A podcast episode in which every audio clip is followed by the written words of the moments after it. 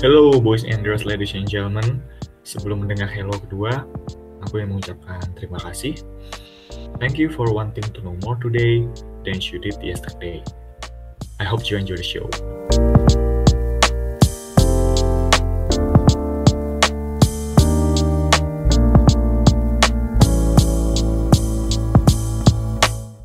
Hello boys and girls, ladies and gentlemen. Welcome back Chill Boy Show with me, the one and only Ambras Biaditya Putra bersama Mbak Widayu Mutia Ramadhani. Am I saying it right? Ya, betul sekali. Hai Amran. Yes. Halo Dayu, how are you there? I'm really fine. Mentally and Oh, physically. Mentally How about and you? physically. Yeah, but I'm really struggle in this life, but I'll keep it healthy, physically, mentally. Nah, oke, Dai, sebelum kita melanjut ya, karena mungkin kita disatukan di organisasi yang, how can I say it, yang uh, native language-nya Inggris, maybe English Ya. kita ngomong uh, campur. Jadi, I think we should try our best not to say too much English, English, oke? Ah, it's, ya, it's the oke. challenge aja sih. Kita coba Oh, aja ini ya, disclaimer-nya ya. Oke. Ya, I will try my ke- best. Oke, baru udah ngomong Inggris, udah gagal. oh iya, salah. Jadi kenapa aku ngundang Mbak Widayu? Aku manggilnya Dayu ya, Widayu, Ya, Dayu. boleh, boleh. Dayu, Day, Day boleh, Dayu boleh. Oke, Dayu ya. Oke, jadi kenapa eh, short introduction? Eh, kenapa aku ngundang Dayu pada episode kali ini? Karena aku pengen ngebahas topik yang sangat eh, yang sangat sering didengar, yang Hmm. sangat sering diomongin juga yaitu tentang insecurity. Nah, insecurity, insecurity itu rasa tidak apa ya, rasa tidak aman ya, rasa inferior, in- insecurity, how can I say it lah. Anyway kayak gitu dan dan karena Dayu juga ada podcast dan aku ngeliat podcastnya, it's really dan judulnya dua episode awalnya satu atau dua episode awal itu so ya I'll try ah udah ngomong bahasa Inggris lagi ya. Oke lah oke aku coba hubungi dia aku coba hubungi dia aku coba kontak dia dengan kesibukannya. Btw fun fact dia sangat susah di ini susah bukan susah dihubungi susah untuk dicarikan waktu waktu lenggangnya so anyway thank you very much for attending here dan so I'll reach her karena menurutku dia kayaknya punya banyak pengalaman di topik insecurity. Am I am I right? Apakah aku benar kalau kamu punya banyak pengalaman di insecurity? Oke, eh, bener banget sih. Anyway, sebelum jawab eh, question itu, eh, thank you banget Amran udah invite gue di sini. Karena gue kan sempet kayak freezing freeze eh, ini gue kan podcast gue kan karya gue yang satu itu gitu. Dan karena gue di invite tuh kayak gue terencourage lagi buat oke Dai lo harus berusaha ngembangin podcast lo lagi gitu. Kayak lihat Amran tuh udah ada beberapa episode gitu udah berapa tuh hampir 50 kali ya Iya, 30-an. Iya kan? Iya 30-an tuh, hampir 50, 20 20 episode lagi gitu. Kayak ayo lo harus semangat, Dai. Lo baru dua aja udah lo, ayo. Oke. Nah, ngomongin Parah, tentang insecurity, ngomongin tentang insecurity, eh, iya sih bener banget. Gue pun punya personal experience ya dari insecurity ini dan gue bisa bilang bahwa gue itu adalah salah satu individu yang bangkit dari insecurity. Eh, gue nemuin suatu turning point. Nah, nanti mungkin eh, gue akan ceritain ya, nggak sekarang.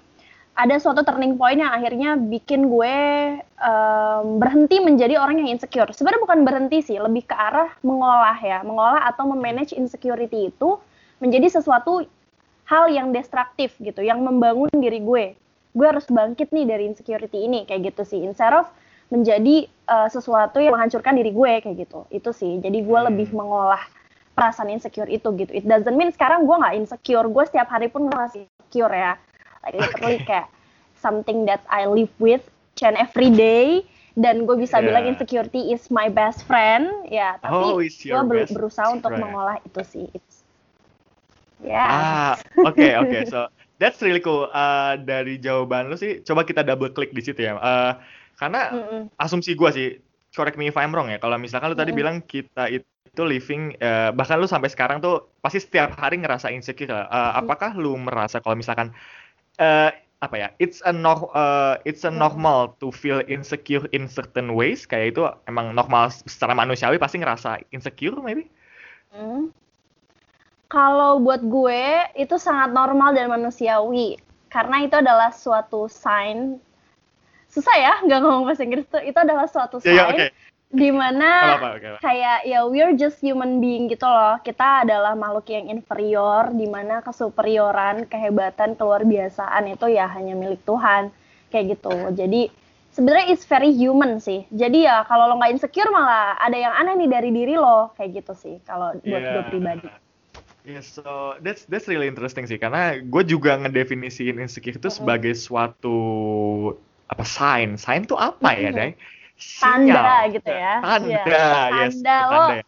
Mm-mm, manusia biasa gitu kan Oke, oke, oke. That's that's really really amazing sih how to how you define it karena gue juga kayak gitu. Cuma gue selalu mikir kalau insecure itu adalah tanda ketika kita ditunjukin eh, bagian eh, bagian aspek dari kehidupan kita yang masih dalam tanda kutip masih lemah gitu. Maksudnya Hmm. contoh nih ya konteksnya. Misalkan kayak gue ngelihat misalkan gue punya cewek nih kan kalau gue sih ngasih contoh emang nggak jauh-jauh dari pacaran sih tapi ya let's like jadi gue dulu pacaran terus gue ngeliat eh, cewek gue nih deket sama cowok gitu lah deket sama cowok. Terus gue pas ngeliat dia sama cowok nih walaupun gak walaupun gak pacaran gak deket aja gue ngerasa insecure ngerasa jealous apa segala macem. Dan ternyata pas gue liat di situ tuh gue sadar kalau misalkan si cowok ini tuh punya keunggulan di hal-hal Hmm. yang gue nggak punya keunggulan gitu loh. Contoh dia bisa main musik, gue nggak bisa main musik gitu loh. That's that's uh, that's insecure for me sih. Tapi kalau dari lu tadi itu uh, insecure itu lebih ke tanda kalau lu manusia biasa biasa, manusia biasa. manusia inferior we are inferior Iya, inferior ya. That's really amazing, inferior. Nah, oke, kita langsung going to the topic ya. Nah, tadi udah ngomongin insecure dan segala macam. Eh, what's your turning point? Kenapa lu bisa bilang tadi lu adalah orang yang berkembang karena insecure? Oke, Eh, mungkin sebelum gue cerita turning point-nya, gue sharing tentang sedikit background ya. Jadi ini gue bakal being vulnerable. Se-vulnerable itu ya karena gue percaya banget sama lo, Amran. Karena walaupun kita jarang diskusi ya, kan cuman juga didengar Iya iya serius. Iya kita jarang diskusi, kita jarang ngobrol, tapi gue sepercaya itu karena ya it's, a, it's such a privilege kan to be invited here gitu. Jadi gue akan jujur aja ya. Jadi sebenarnya gue itu dibesarkan oleh orang tua yang uh, basically cara mereka mendidik gue itu ya membuat gue jadi insecure gitu. Karena orang tua gue ini kinda demanding, demanding kayak menuntut banyak sekali hal. Jadi bikin gue nggak pernah ngerasa good enough gitu. Dan mungkin dari gue kecil kayak gue kurang diapresiat gitu sih. Kayak gue kurang diapresiat for every small things yang ya intinya demanding aja lah ya. Kayak ketika gue udah capai ini tapi kayak gue diminta yang lain kayak gitu. Jadi gue dituntut menjadi anak yang sangat sempurna kayak gitu. Jadi hal tersebut tuh menjadi faktor di mana gue nggak bisa menerima diri gue secara utuh kan. Gue nggak bisa menerima diri gue seutuhnya. Gue nggak pernah ngerasa good enough karena gue nggak pernah diapresiat ya kan sama orang tua gue in a way that I need it. I mean, mereka apresiat gue, cuman mungkin bukan sesuai dengan kebutuhan gue nih sebagai anak kayak gitu kan. Nah intinya itu sebenarnya menjadi background gue itu uh, tumbuh dan berkembang dengan insecurity kayak gitu. Nah turning point gue itu sebenarnya adalah um, ketika gue itu di SMA ya di SMA of course kayak kita pengen applying uh, for college kan kayak kita mau daftar di perguruan tinggi gitu dan um, karena gue apa ya istilahnya ya karena gue didorong sama orang tua gue dengan dan dituntut sangat lebih jadi saat itu tuh gue memilih jurusan kedokteran ya kan? Gue memilih Oke. jurusan kedokteran pokoknya anything related tuh kedokteran deh. Kayak gue daftar kedokteran kedokteran umum gue daftar kedokteran gigi ya. Tapi nggak hewan sih karena gue takut hewan. Ya intinya itulah. Gue gue daftar semua uh, jurusan kedokteran di beberapa uh, PTN kan kayak gitu. Nah di SNPTN ketika pengumuman gue gagal terus di SBMPTN juga gue gagal terus uh, ujian mandiri juga gue gagal dan end up akhirnya gue di uh, jurusan uh, yang merupakan pilihan kedua gue gitu. Which is Oh, itu oke. biologi kan gue alumni biologi nih Oh. biologi undip kan ya kan lo Oke, masa nggak inget oke, sih gue alumni biologi Sorry, sorry, sorry, sorry. Gue kira lo. teknik kimia, sumpah Nah, gue kira kan? dari mana teknik kimia gitu dan bahkan kalau orang-orang gue bilang iya gue alumni biologi. Mereka tuh nggak percaya gitu. Karena katanya muka gue tuh bukan muka-muka saintis. Muka gue tuh muka-muka orang soshum gitu loh. Kayak gue dibilang anak ekonomi lah anak manajemen lah dan lain Ah. sebagainya. Anak hukum. Kayak gitu. Ya gue nggak tahu ya. Berarti mukanya tuh muka soshumable ya? Iya. daripada saintekable. Iya kayak gitu. Oke lanjut. Em, apa namanya? Jadi eh, akhirnya gue diterima di jurusan biologi yang merupakan pilihan kedua dan gue pun nggak punya specific reason kenapa gue milih jurusan itu gitu. Karena eh, menurut gue ya definisi sukses gue back then adalah ya menjadi dokter gitu. Jadi gue tuh nggak punya backup plan lain yang gue eh, mau jurusan ini ini ini tuh gue nggak punya. Gue tuh kayak milih jurusan biologi karena ya udah gitu. Harus ada pilihan kedua kan? Kayak sayang aja kalau kita cuma milih satu pilihan kan. Pas itu gue daftar UM Undip tuh. Ya udah akhirnya gue daftar biologi. Nah ternyata gue diterima di sana gitu. Nah tapi sebelum gue diterima eh, once gue nggak lolos tuh nggak lolos SNM SBM dan UM juga di beberapa PTN karena saat itu orientasi gue tuh PTN kan. Dan orang tua gue juga maunya tuh gue harus di PTN kayak gitu. Ya istilahnya tuh apa ya dunia gue tuh uh, stumble and fall banget sih saat itu.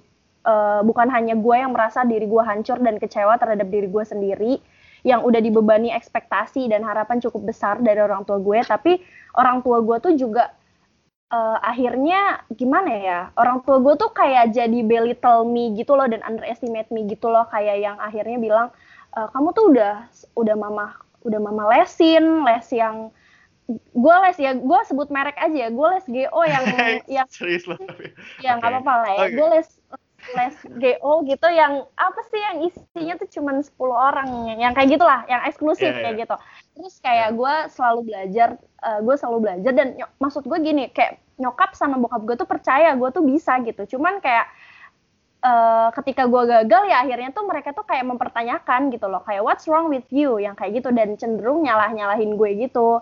Kayak bilang gue not uh, apa namanya work really hard dan lain sebagainya. Pokoknya saat itu gue di belittle and being underestimated gitu lah ya by my parents gitu. Jadi saat itu gue benar-benar ngerasa hancur gue kecewa sama diri gue sendiri. Pokoknya se apa ya se worst itulah ya situasi pada saat itu gitu.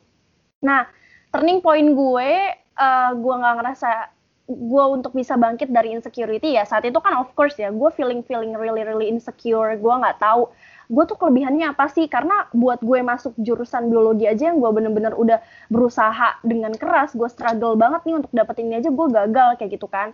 Nah em, apa namanya ketika akhirnya gue udah ada di jurusan biologi ya udah gue perlahan mulai bersyukur tuh gue perlahan mulai bersyukur dan turning point gue adalah ya gue harus sukses tapi uh, sukses gue itu ya gue harus reframing. Sukses itu bukan hanya lo jadi dokter kayak gitu. Lo harus cari kesuksesan lain kayak gitu. Yang lo harus bisa tunjukin juga ke orang tua lo ya bahwa uh, lo bisa sukses tapi dengan versi lo sendiri gitu. Bukan dengan sesuatu yang mereka dictate. Kan mereka pengen tuh Hmm. kayak gue ngeliat gue jadi dokter kan yang kayak gitu kan. Nah akhirnya ya gue berusaha uh, nge-reframing sukses gue dan ya gue saat itu mulailah setting goals kan. Uh, gue self talk self reflection juga gitu.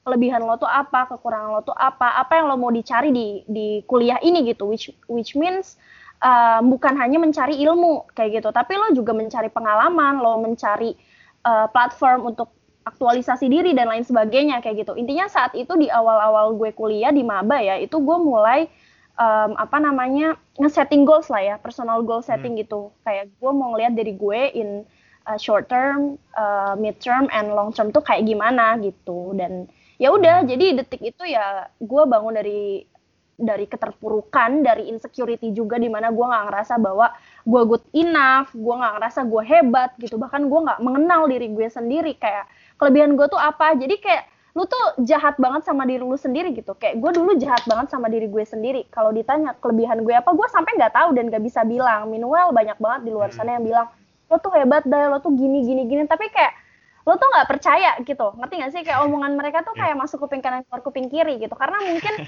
my main support system tuh mungkin saat itu kan underestimate dan belittle gue kan. Jadi ya gue nggak nggak punya big trust to myself kayak gitu ya udah akhirnya gue mulai bangkit dari insecurity ya di mana akhirnya gue reframing sukses gue dan ya apa namanya gue mau ngebuktiin nih jadi awal mulanya ya sebenarnya idenya ya big idenya itu karena gue mau buktiin bahwa sukses itu nggak harus jadi dokter dan gue tuh bisa menciptakan uh, apa namanya sukses dengan cara gue sendiri with my unique way itu sih sebenarnya hmm. turning point gue untuk bangkit dari insecurity dan ya akhirnya gue mulai uh, istilahnya pivoting my mind to see insecurity as something uh, apa ya instruktif kayak gitu. Sesuatu yang membangun gue gitu.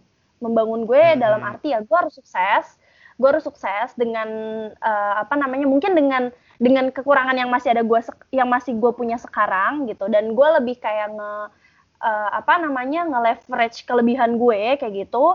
Dan apa ya escalate personal value yang mungkin gue punya kayak gitu yang bisa mengantarkan gue kepada kesuksesan itu. Dan jujur kalau ditanya uh, apa namanya gimana cara gue melakukan itu semua yang membantu gue adalah ya platform ya satu platform. Ya itu ya tempat di mana kita bertemu gitu. Kayak Isaac. Ya. Langsung aja ya bilang Isaac. Jadi Isaac ya itu benar-benar something personal banget buat hidup gue karena bener-bener uh, menjadi platform yang bukan hanya kayak mengembangkan diri gue secara personal dan profesional gitu kan kayak bisa enable me to equip some certain skills that needed uh, and relevant to my future. Aduh, sorry banget, sobat gak ngomong bahasa Inggris. Banyak banget, rapor lu udah merah sekarang.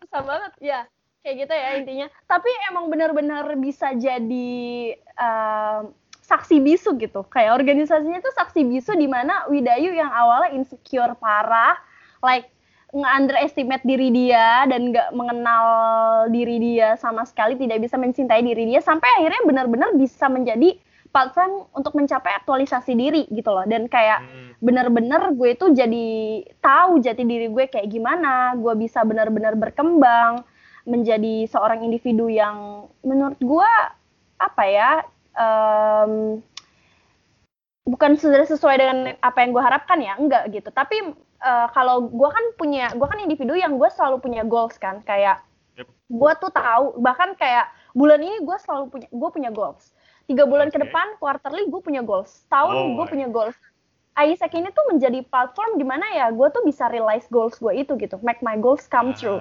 Karena semuanya tuh di provide oleh Isaac kayak gitu. Karena kan lo ketemu dengan banyak orang yang berbeda-beda gitu. Nah di situ lo benar-benar yeah. akan belajar banyak sih. Lo lo menjadi uh, facilitator of other success, tapi at the same time kayak lo juga bisa belajar meresapi pengalaman orang lain di sana, cerita-cerita inspiratif orang lain di sana. Jadi benar-benar sesignifikan itu sih peran Isaac. Nah itu. Hmm, yes, yes, yes. Global citizen ya bun. itu gue jadi promosi ya. Ini kayak iya, bentar yeah, lagi ada ini, ada apa yeah. namanya?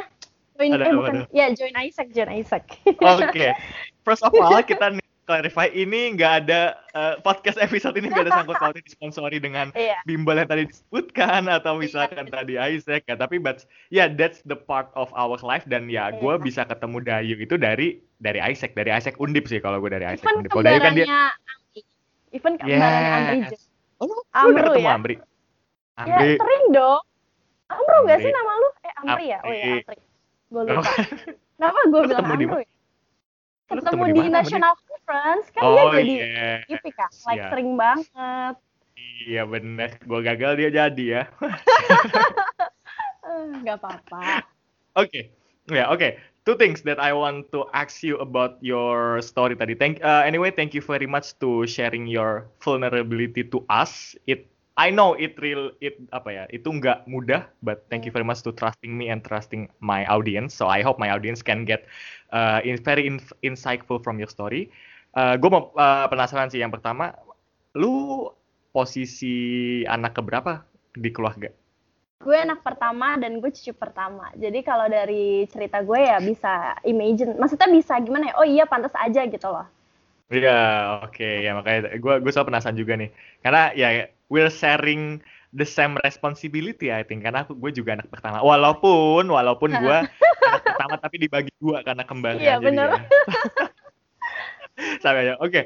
uh, next question itu adalah tadi lu sempat mention kalau misalkan dulu definisi sukses lu itu didiktate sama orang tua yang jadi dokter dan yang diktat orang tua. Nah, kalau karena sekarang lu udah melalui platform lah, sudah menemukan jati diri atau mungkin bisa mencintai diri sendiri, gue penasaran sih. Can you share to us what's your defi what's your definition of sukses di sekarang di saat ini? Oke. Okay.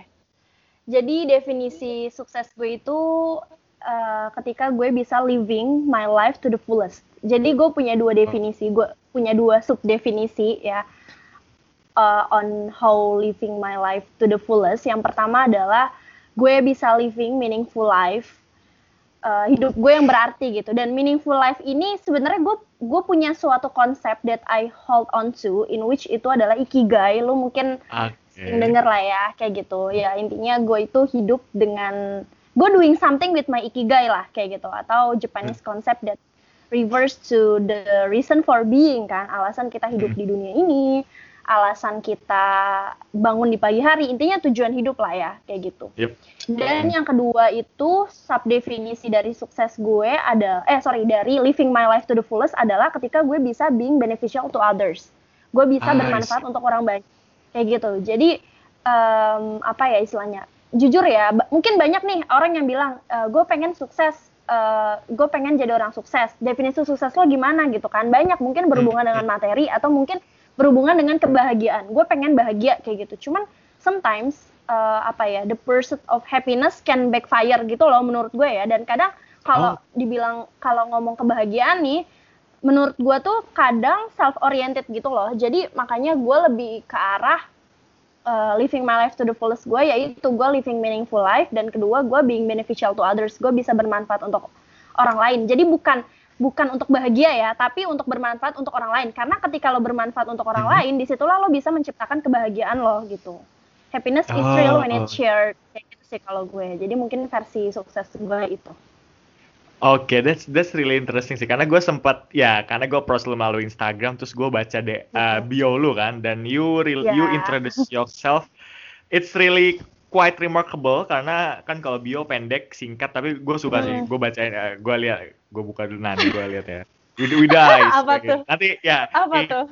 Instagramnya akan taruh linknya di show notes guys itu living a meaningful life to grind and glow. Wow to grind and glow ya. Yeah, that's that's really amazing sih but uh, can you share about us uh, why you kenapa lu ngeput grind and glow gitu? Living a meaningful life to grind and glow. Karena buat gue uh, ketika lo udah living meaningful life ya maksudnya kayak having something with your ikigai ya di situ lo bisa berkembang lebih lagi. Karena lo udah tahu tujuan hidup lo gitu. Lo, dan lo akan progresif gitu loh.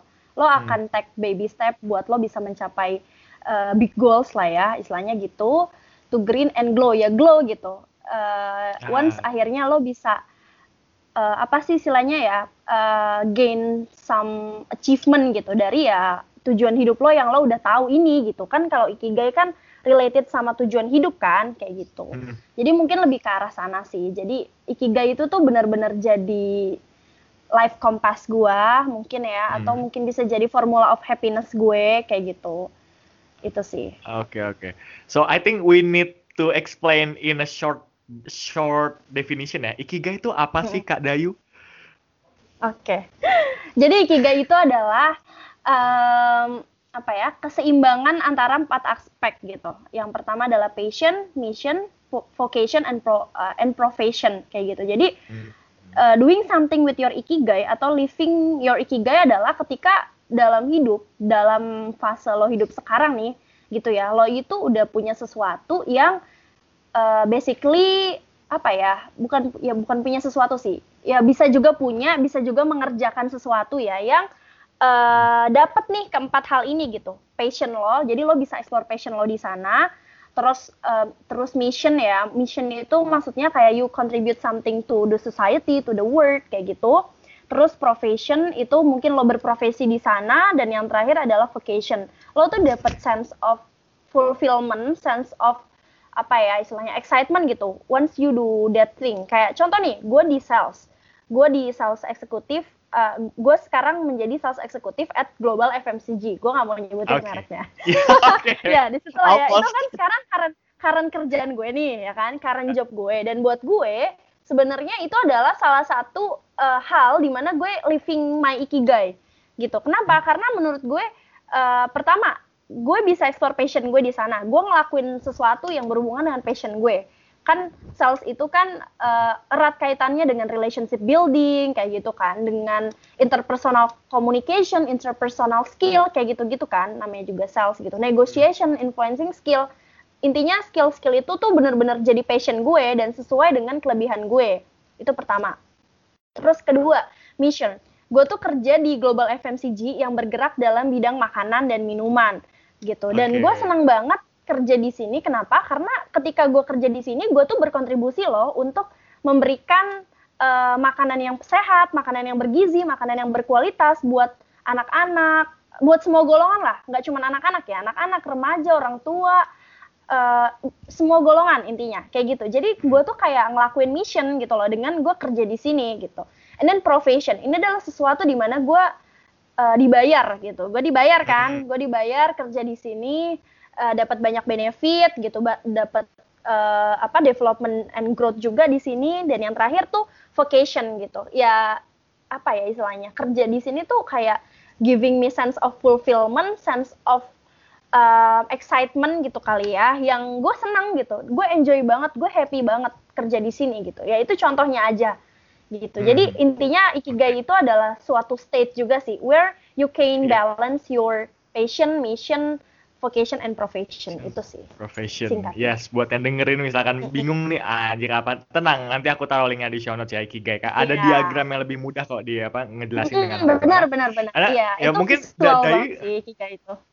Yes, mungkin Dai juga inget ya pas gue pertama kali nge-approach lu tuh kan gue mau ngebicarain lagum kan, lagum. Jadi itu mungkin Kore, uh, seingat sepemahaman gue lagum itu kayak ikigai, cuma ikigai versi uh, Swedia, versi Swedish. Jadi kayak berkecukupan. Nah, cuma ya itu bukan topik kita, bukan topik utama ya. Jadi kita balik lagi ke insecurity. Tadi sudah ke mana-mana, coba aku bring back. Nah, uh, jadi gini, uh, tadi gue penasaran karena, uh, sorry, lo tadi ngerasa insecure dan segala macam. Nah, lo kan bisa ngebuat insecure itu menjadi sebuah motivasi ya. Nah, apakah cara lu ngubah insecure ini sebagai sebuah motivasi ini dengan tadi lu uh, apa self talk dan uh, setting goals?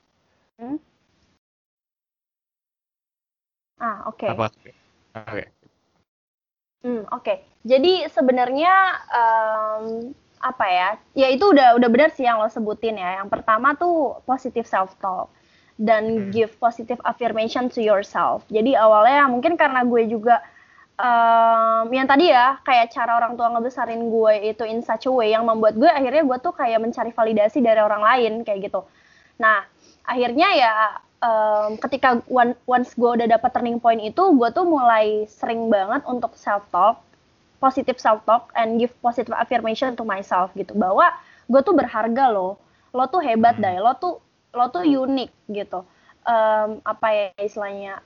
You are valuable you are worthy kayak gitu loh. Dengan segala yang lo punya baik itu keterbatasan kekurangan dan juga kelebihan yang lo punya kayak gitu. Jadi gue perlahan tuh mulai bisa berdamai dengan diri gue sendiri di mana akhirnya gue menerima diri gue kan secara utuh gitu. Maksudnya gini ketika gue bilang gue menerima diri gue it doesn't mean kayak gue um, apa namanya nggak nggak growing gitu. Gue ya udah gue nerima kekurangan gue ya udah ini kekurangan gue. Lo nggak boleh nyalahin gue atas kekurangan gue let's say kayak gitu. Enggak tapi once gue nerima kekurangan gue ya gue tuh bener-bener growing gitu loh. Gue tuh harus hmm. uh, gue tahu point of improvement apa yang harus gue lakukan gitu kan. Dan ya akhirnya gue bisa striving to be better individual gitu. Jadi gue nggak hanya sekedar menerima kekurangan gue and then I do nothing kayak gitu. Tapi gue bener-bener yes. ngelakuin sesuatu akan hal itu kayak gitu yeah. itu sih. Yes, yes, um, terus uh, apa sih? Tadi pertanyaannya apa sih? Gue lupa. Oke okay, udah. Nggak masalah nggak masalah. Ini apa uh. pertanyaan selanjutnya itu tadi kan setting goals ya. Apakah setting goals oh iya. oke oke. Okay, gue udah inget iya itu pertama. ya, pokoknya positif self talk iya. Gue emang suka lupa gitu guys. Sorry ya. Jadi uh, apa namanya? Positive self talk and give positive affirmation. Intinya gini gue itu kan uh, bahasa cintanya tuh words of affirmation ya. Dan gue tuh nah. seneng gitu. Kayak let's say pacar gue gue gak punya pacar sih. Jadi mungkin mantan oh, okay. gue. Mantan gue atau siapa pun lah. Itu tuh kayak memberikan gue positif energi dengan memberikan kayak kata-kata manis gitu. Tapi bukan bualan ya. I mean yang yang real kayak gitu loh. Yang real.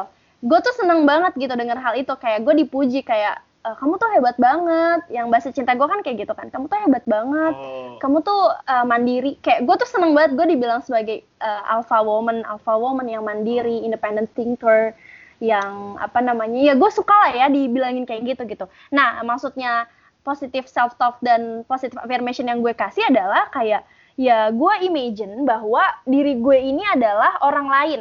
Orang lain yang gue tuh seneng ketika gue mendengarkan uh, positif uh, apa namanya positive feedback atau positive perception uh, iya positive perception atau perspektif itu gitu jadi kayak ya gue kadang-kadang tuh bener-bener sering banget ngobrol sama diri gue sendiri kayak uh, apa namanya Widai kayak lo tuh hebat banget sih lo tuh gini gini gini gini kayak gue tuh tapi nganggepnya itu tuh dari orang lain padahal tuh sebenarnya dari diri lo sendiri gitu Yep. karena kan bahasa cinta gue itu kan adalah ini kan apa namanya Words, words of ya. affirmation kan kayak gitu Yep. jadi gue selalu ngebayangin diri gue itu adalah orang lain yang kayak gue butuhkan itu dari orang lain kayak gitu tapi ya bukan berarti gue nggak gue nggak nganggep diri gue itu enggak cuman karena namanya juga kan bahasa cinta kan sometimes uh, lebih Yep. lebih berfok lebih ber apa ya istilahnya berfokus pada lo tuh pengen orang lain berbuat apa sih kepada lo gitu kan kasarannya Hmm. gitu jadi ya ya akhirnya gue positive self talk gue give positive affirmation ke diri gue each and every day jadi sebelum gue punya ritual sih sebenarnya Amran Oh, jadi sebelum sure. gue tidur gue tuh selalu eh, apa namanya gue tuh selalu nulis kayak sebenarnya nggak harus nulis sih gue mikir aja tiga hal yang Ah. membuat lo bersyukur hari ini ya kan Ah, karena yep. ketika lo mikirin itu ya ketika lo mikirin hal yang membuat lo bersyukur lo akhirnya tuh akan menghargai diri lo gitu karena lo udah struggle nih untuk bisa mendapatkan hal yang lo syukuri ini kayak gitu lo Hmm. menghargai diri lo respect diri lo for every small thing itu sih for every small win and Yep. small thing that happens that day kayak gitu itu Ah, jadi itu sih yes, cara yes, gue ya, cara gue untuk Yep. gue positif self talk atau mungkin give positive affirmation kayak gitu. Itu pertama, terus yang kedua itu adalah setting goals. Jadi Oke. gini, Hmm. orang yang insecure biasanya itu karena mereka tuh nggak kenal sama diri mereka sendiri ya. Hmm. Eh, tapi tergantung sih sebenarnya. Maksudnya Yep. gini, kalau misalkan insecure-nya itu berasal dari social comparisons, kan insecure tuh ada yang berasal dari dalam kan, ada yang berasal dari luar. Mungkin kalau cerita yang gue ceritain tadi itu lebih berasal dari dalam gitu kan. Maksudnya berasal dari dalam kayak gue itu me- apa ya istilahnya ya, eh, menginternalisasi tindakan yang orang tua gue lakukan ketika gue kecil kayak gitu. Atau mungkin omongan-omongan akhirnya gue internalisasi nih ya kan kayak gitu. Gue akhirnya jadi nggak ngerasa good enough gue nggak percaya diri gue dan lain sebagainya gitu. Tapi kan ada yang datangnya itu dari luar, luar nih. Datangnya dari luar itu kan kayak social comparison kan yang sekarang tuh terjadi. Bener nggak sih? Apalagi Yes. sekarang social media tuh kayak sesuatu yang we cannot live without ya kan? Dan Yep. sumber dari insecurity itu adalah once kita melihat kayak orang yang lebih successful dari kita, orang yang lebih cantik, lebih ganteng, lebih pinter, lebih hebat dengan segala macam achievementnya kayak gitu. Itu kan sebenarnya basically menjadi sesuatu yang bikin kita akhirnya insecure kan kayak gitu. Hmm. Nah, Hmm. kalau gue sendiri melihat ya bahwa orang yang insecure itu adalah eh, karena mereka itu nggak ngedefine versi sukses mereka dan mereka Hmm. itu nggak ngeset eh, apa ya istilahnya ya progressive goals gitu loh kayak iya progressive Hmm. goals gitu terhadap diri mereka dan nggak ngeset timeline buat diri mereka sendiri gitu jadi ketika mereka Hmm. melihat orang lain lebih sukses ya ya udah gitu mereka akan melihat bahwa wah gue nothing banget nih compared to others gitu menurut gue sih kayak Hmm. gitu ya ini menurut gue Hmm. karena gue belajar dari pengalaman gue ya karena gini Yap. ketika gue akhirnya udah bener-bener tahu goals gue apa and then gue set um, apa namanya time juga kapan sih gue harus achieve goals ini gitu kan. Istilahnya gue udah ngedesain timeline gue sendiri nih untuk achieve certain goals nih kayak gitu. Ya ketika orang lain hebat ya udah. Menurut gue tuh kayak eh, apa ya gue itu be apple to their orange gitu loh. Kayak ya udah it's fine. Mungkin itu waktunya sekarang dia sukses nih. Tapi gue juga bisa sukses nih. Tapi dengan versi gue sendiri suksesnya dan dengan timeline gue sendiri itu sih sebenarnya Ah, yang gue ya, ya, ya. yang gue apa ya yang gue bener-bener hold on to ya kayak prinsip gue tuh sekarang gitu dan gue lebih kayak nge-train diri gue untuk nggak insecure karena social comparison sih emang kadang kan Ah, susah ya. dihindari ya kayak orang-orang yang let's say kayak sekarang tuh yang bikin gue sangat-sangat insecure adalah kalau ngomongin tentang saham kayak gitu I mean banyak banget banyak banget ya kayak itu tuh FOMO Ya, gitu ya, ya, loh ya. kayak Yap, itu menjadi yap, sesuatu yap, yang yap. sangat FOMO banget kan fear of missing out ya kan di di di apa sih di era sekarang gitu kayaknya lo kalau misalkan nggak nggak nggak apa ya nggak nggak invest sesuatu gitu Iya. dalam bentuk saham lo tuh nggak bisa doing financial management kayak gitu benar nggak Gak sih relate sama kita gitu loh, gitu kayak lu tuh Iya, ketinggalan jawab. uh-uh. iya bener-bener. Nah kayak gitu, itu kan kadang bikin gue insecure kan. Meanwhile kayak ya udah gue baru ya baru mulai gitu kan, baru jadi newbie yang nggak tahu apa-apa, harus kayak coaching sana sini gitu. Ya jujur kadang kalau ngeliat portofolio teman-teman gue ya itu bikin gue Oh, insecure yes. gitu. Tapi ya udah akhirnya gue bisa karena gue punya versi sukses gue sendiri, versi sukses gue ketika gue bisa bermanfaat untuk orang lain. Bermanfaat versi gue sekarang ya untuk saat ini adalah gue menjadi uh, seorang kayak public speaker gitu kan atau public speaker atau mungkin facilitator dalam berbagai event gitu kan yang gue targetin sebulan gue harus dua kali menurut gue itu versi sukses gue karena gue itu uh, apa ya nge-share ilmu yang gue Hmm. punya nih gitu kan gue Yep. bisa share in- some inspiration buat mereka uh, yang bisa nge-influence mereka mungkin yang bisa meresapi sesuatu yang baik dari pengalaman gue sendiri dan lain sebagainya kayak gitu jadi itu versi sukses gue nah makanya gue berhenti untuk insecure jadi ya Oh, lo harus oke. benar-benar bisa define goals lo apa, apa yang lo mau tahu, and then setting progressive um, apa ya? Tadi tadi sih setting progressive Hmm. goals, Yep. terus habis itu setting timeline ya, design your own timeline dan benar-benar kayak create your uh, own version of success gitu. Itu sih Hmm. sebenarnya. Oke, Jadi, oke. That's Lo akan really Yes, that's really great sih. Sorry, uh, progressive goal di sini yang lu maksud apakah kayak OKR gitu? Hmm, kalau gue sih lebih kayak ke target ini ya, mi- eh, apa namanya short term, mid term, Oh, dan oke. long termnya apa. Nah, bahkan kayak gini, kalau gue ya, ini gue pribadi ya, short term Yep. itu kalau gue lihat tuh mungkin em, tiga tahun ke depan, tiga tahun ke depan, and Oh, then short term 3 tahun. Iya, mid term Oke. itu 5 dan uh, long term itu 10 gitu. Nah, tapi gue tuh punya kayak sub goal sub goalsnya gitu loh, Oh my uh, god. Ran. Oke. Jadi kayak uh, gue kan pasti fokus ke short term gue di kayak nggak tiga tahun sih. Kalau gue mungkin dua tahun ya. Dua tahun ke depan lo mau lihat diri lo seperti apa gitu. And then gue tuh dalam waktu dua tahun itu gue bahkan udah punya timeline. Kayak uh, let's say mungkin dalam waktu dua tahun mungkin gue mulainya di Januari tahun ini karena kan tahun baru kan tahun tahun baru nih. Gue mau ngelihat diri gue di quarter 1 2021 tuh kayak gimana? Quarter 2 kayak Hmm. gimana? Quarter 3 kayak gimana? Quarter 4 kayak gimana?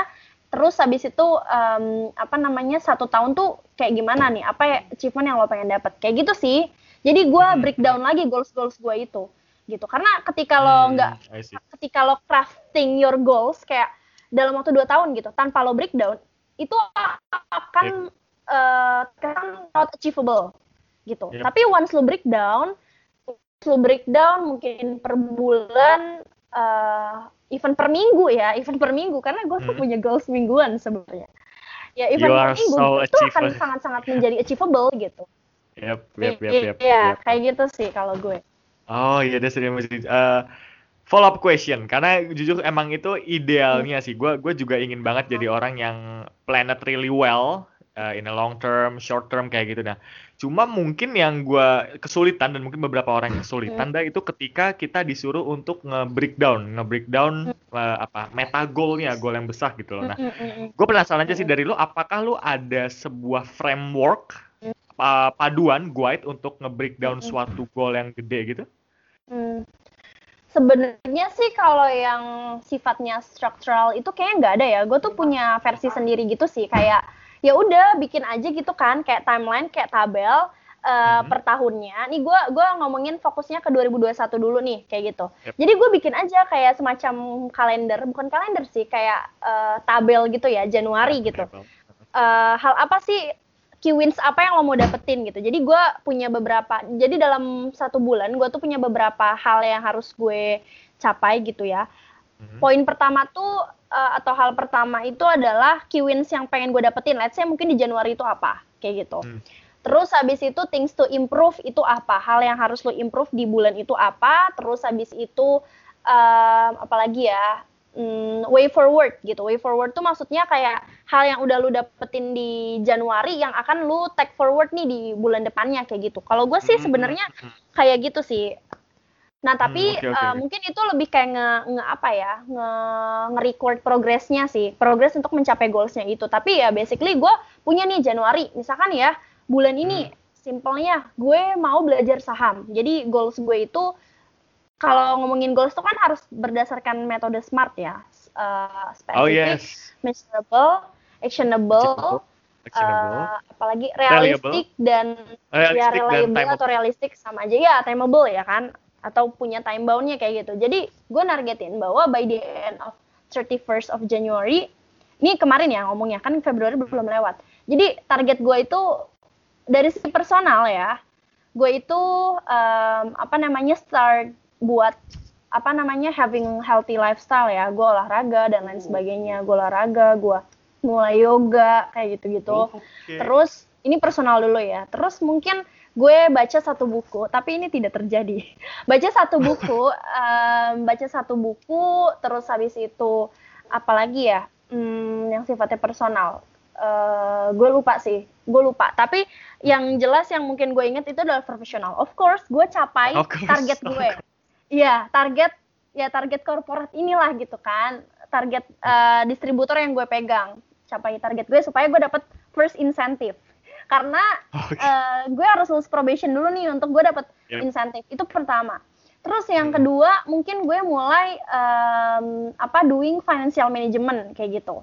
Nah Hmm. itu jadi kayak gitu sih sebenarnya simpel. Gue nggak punya metode yang struktural atau yang kayak scientific dan lain sebagainya itu gue nggak punya. Oke. Gue nggak punya teorinya ya. Kayak gue bikin-bikin sendiri aja gitu. Iya, ya gue iya, bikin iya. sendiri Yeah. aja kayak gitu. Dan Ya, itu that's, that's Hmm. Itu kan bisa That's lead to Hmm. lead to meta goals kan yang kayak lu bilang gitu. Yep. Mungkin sebenarnya di tahun 2021 ini gue pengen banget bisa uh, doing good at financial management sih kayak gitu. Gue pengen Hmm. banget like, literally even uh, karena gini, karena di uh, short term goals gue which is dua tahun ke depan itu gue pengen punya rumah sendiri gitu. Jadi Nikah. kan Oh, dimulainya enggak belum. sorry, sorry, sorry. Iya, karena dimulainya itu kan dari wow. ini kan dari iya dari dari apa namanya dari financial management dulu kayak gitu kan Hmm. itu jadi itu salah satunya aja terus mungkin dua tahun ke depan kayak gue pengen taking the higher role kayak gitu Oh, ya kan di mana gue pengen pengen di level eksekutif nih kayak gitu aduh gue declare Ya. di sini Iya. ada teman kerja gue siapa tahu denger Iya, ya buat atasannya Gak apa-apa, biar gue di endorse. Gak apa-apa. Iya, dua tahun ke depan gue Oke. pengen gue pengen ada di posisi eksekutif kayak gitu. Jadi ya, gue harus benar-benar perform my best gitu. Gue harus capai target ini at my first uh, time gue receiving incentive, at my first time gue akhirnya menjadi uh, official employee karena kan namanya juga Hmm. kemarin probation kan. Kayak, ya gue nunjukin gitu loh, gue pengen show off gitu ya gue perform nih kayak gitu istilahnya itu kan kayak bener-bener starting pointnya kan dari bulan Januari kemarin kan Eh, apa namanya as per gue baru lulus probation kayak gitu dan ya Hmm. banyak sih sebenarnya goals goalsnya kayak gue belajar tentang business acumen di korporat itu gitu gue belajar business landscape kayak gitulah intinya Oke, kan akhirnya itu oke. bermuara ke meta goal gitu Oh, oke, I see, I see. So I think the the basic frameworknya itu smart tadi ya, smart tadi ya, benar, specific, benar, measurable, achievable, reliable, dan timeable. Nanti buat yang dengerin terus kayak bingung, nah aku taruh linknya di show notes, tenang guys. Iya. Nah, oke, udah ngomongin panjang-panjang banget. You are really a perfect guest for interviews gitu. Karena satu pertanyaannya dari banyak gitu. Oke that's fine that's fine. I think that's a lot of wisdom that's a lot of insight that you share to us. So thank you very much. Dan let's jump to another question uh, I, I want to talk about uh, leadership karena kan gua gua kan tak kenal lu juga kan kita pernah satu jabatan di yang posisi Iya. leader lah. Udah Iya, sampai situ gua nggak nggak nyampe se, seposisi lu gitu loh. Gua sampai di situ doang. But you take the apa leading on some department. Nah gue penasaran sih karena ini gua- juga hal yang gue tanyakan ke Ambri juga kan Ambri kan juga oh ya Ambri itu saudara kembaran aku guys. Nah jadi gini uh, what's do, do you have any some specific philosophy on leading a team maybe filosofi aduh filosofi or some or some apa ya uh, ya itu berat banget sih bahasa filosofi jangan filosofi deh Uh, prinsip prinsip prinsip Oh, prinsip gue on leading a team ya. Um, for me, Yep. success is not about growing myself, but success is about growing others. Jadi, gue itu um, menjadi seorang leader yang sangat-sangat apa ya, yang sangat-sangat mm, berusaha untuk benar-benar be facilitator of my subordinate success gitu. Itu kun- itu kunci gue sih. Jadi menurut gue bukan gue tuh menjadi leader yang baik tuh bukan karena gue itu bisa apa namanya bisa menjadi orang yang inspirational atau mungkin punya intelijen yang bagus dan lain sebagainya itu enggak sih. Tapi ya ketika akhirnya gue bisa mendevelop tim gue gitu. Hmm. mendevelop tim gue yang mana ya uh, mendevelop tim gue itu ya dengan kayak kita sama-sama working hand in hand to apa ya towards one objective gitu towards one goal. Di proses lo bisa capai itu di situlah terjadi development gitu. Makanya gue menjadi seorang leader yang basically gue tuh suka ngasih challenge ke anak gue. Tapi gue ngasih challenge bukan yang gue lepas gitu aja enggak. Gue make sure bahwa ya mereka tuh benar-benar apa ya istilahnya ya tahu uh, purpose-nya terus gue mendampingi dalam proses mereka mencapai itu gitu sih kalau gue ya. Jadi Hmm. mungkin itu prinsip gue dalam leading tim gue benar-benar um, apa namanya take ownership uh, sama suksesnya mereka sih gitu. Ah, I see. Ya. Karena I think I can say that you are really success on leading a team. Karena salah satu anak anak lo kan jadi ketua ya, ya kan jadi pemimpin di organisasi kita ya nggak sih? Bener kan gue ya? Siapa sih Gary nggak sih? oh oke iya Oke, shout out to Gary. Amin. Wah, pada pada gue kira Dayu tahu cuma ya udah Gary. enggak That's karena okay, Gary. enggak karena banyak kan maksudnya anak-anak Oh, dia iya. tuh sekarang banyak banget jadi LCP Oh, gitu yes. bahkan Yes, ya yes. presiden ya guys ini kayak banyak banget abbreviations ya LCP itu Right. lokal committee presiden gitu jadi pas gue dulu jadi MC VP jadi Oke, jadi oke, national terus? vice president jadi national Yes. vice president itu anak-anak yang gue commission gue itu banyak banget yang naik LCP kayak gitu yang naik jadi presiden jadi makanya banyak gitu Oke, sombong that's banget okay. gue Iya, makanya. I'm really sorry, Gary. I I hope it didn't hurt your feeling, but yeah. Oke oke anyway. Mungkin ini buat buat anak-anak komisionnya Dayu kali ya misalkan kalian dengar ini terus kayak ah enggak enggak Dayu enggak sebaiknya ya kalian nanti komen ya aku penasaran sih apakah Dayu bener nih kayak gini apa gimana. Boleh ya. boleh diminta testimoninya. Oke oke we will fact check back that later. Nah oke. Nah, ini juga nyambung sih karena eh, ke pertanyaan selanjutnya kan kita ngomongin insecure dan tadi fil- eh, filosofi atau prinsip on leading a team. Nah, gue tuh karena dulu pas gue gagal menyalonkan posisi yang lo jalankan itu kan gue pindah ke BEM ya. Nah, terus di situ gue menemukan suatu dinamika yang menarik sih kayak misalkan eh, ada suatu pas itu ada suatu konflik kalau misalkan kita boleh nggak sih eh, ngerasa ngerasa manusiawi ma- bukan ngerasa manusiawi sih yang ngerasa capek di depan anak-anak kita gitu loh. Karena kan Hmm, anak-anak kita oke, oke. eh, orang-orang yang kita lead gitu loh. Nah jadi kan kayak mungkin itu feeling insecure or something lah gitu loh. Nah maka itu yang gue pertanyaan ke lo sih. Menurut lo your thought atau your opinion on yang leader tapi menunjukkan insecurity-nya di depan anak-anaknya itu what do you think about it? Hmm, Oke, kalau gue sendiri, eh, ya sebenarnya hal yang lo bilang itu gue praktekin sendiri sih. I practice that gitu loh. Jadi memang dari awal itu em, gue kan tipikal orang yang em, apa ya, untuk bisa deket sama anak gue, gue tuh harus tahu cerita dia dan dia tahu cerita kita nih, eh cerita gue nih. Jadi Hmm. akhirnya ketika punya some level of understanding towards each other kan lebih enak gitu kan. Jadi memang dari awal tuh gue ceritain ke mereka gitu. Ya anyway, ketika lo ngomong kayak eh, apa namanya, gue bisa eh, kan awalnya kan kita bareng kan, like, like team leader kan. Terus kan gue akhirnya naik jadi LCVP kan, jadi vice president gitu. Kan itu awalnya kalau lu nih mungkin lu nggak tahu ya. Gue kasih kasih, gue kasih tahu sekarang nih, gue Oke, kasih klarifikasi oke. sekarang. Jadi awal gue jadi VP itu tuh gue itu Uh-uh. memulai journey gue dengan perasaan insecure karena ah. Prede gue which is Teresa ya nggak apa-apa gue sebut merek Oke, aja. lu- kalau dengar nggak apa-apa ya. nggak apa-apa. Iya Oke, karena dia juga udah tahu itu. Dia tuh orang yang sangat hebat banget kayak inspirational leader banget buat gue yang dengan dengan style dia yang sangat bold kayak gitu kan yang Yes. sangat apa namanya eh, karismatik kan karismatik leaders dan lain sebagainya kayak gitu.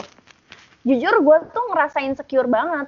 Ketika gue harus jadi uh, suksesornya dia. Apalagi saat itu OGV Undip tuh lagi get the spotlight loh. ya. Yep. gitu lagi dapat spotlight karena bener-bener growing banget dari previous term dan juga lagi menang ini kan. Eh kok menang sih? Dapat award dari Isaac Indonesia kan.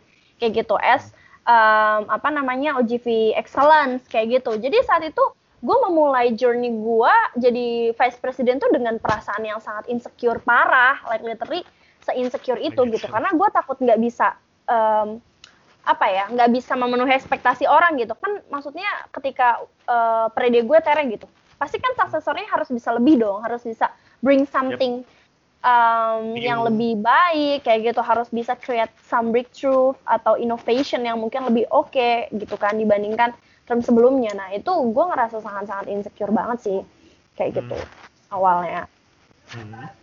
Iya, terus tadi pertanyaannya apa? Tuh kan gue lupa. Oke.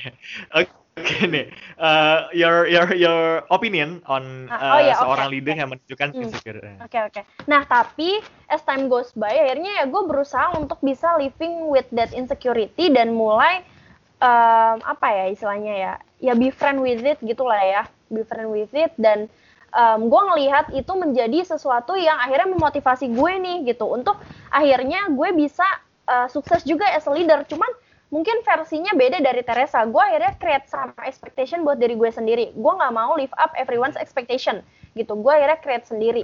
Dan ya akhirnya ketika gue melihat um, apa namanya hal tersebut ya memproses insecurity gue sebagai motivasi ya akhirnya gue berhasil gitu.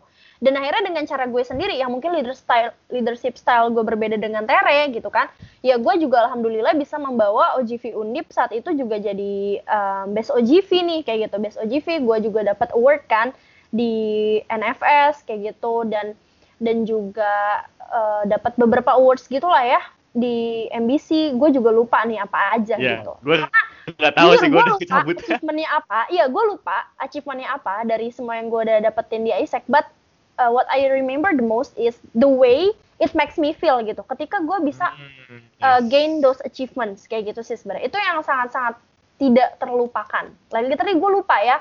Kayak gue udah ngedeliver uh, berapa berapa banyak gitu. exchange gitu, gitu ya berapa banyak exchange terus okay. kayak conversion conversion rate-nya itu berapa banyak gue tuh lupa. Tapi kayak the way it makes me feel-nya itu yang masih gue inget sampai sekarang. Di mana gue hmm. bener-bener bisa ngebikin anak-anak gue tuh bangga dan merasa terhargai gitu loh dari dari apa namanya dari uh, perjuangan dan usaha kerasnya kayak gitu untuk bisa ngedeliver life changing experience kan kayak gitu sih sebenarnya. Itu yang gue inget jadi menurut gue menjadi seorang leader yang insecure itu sebenarnya fine banget.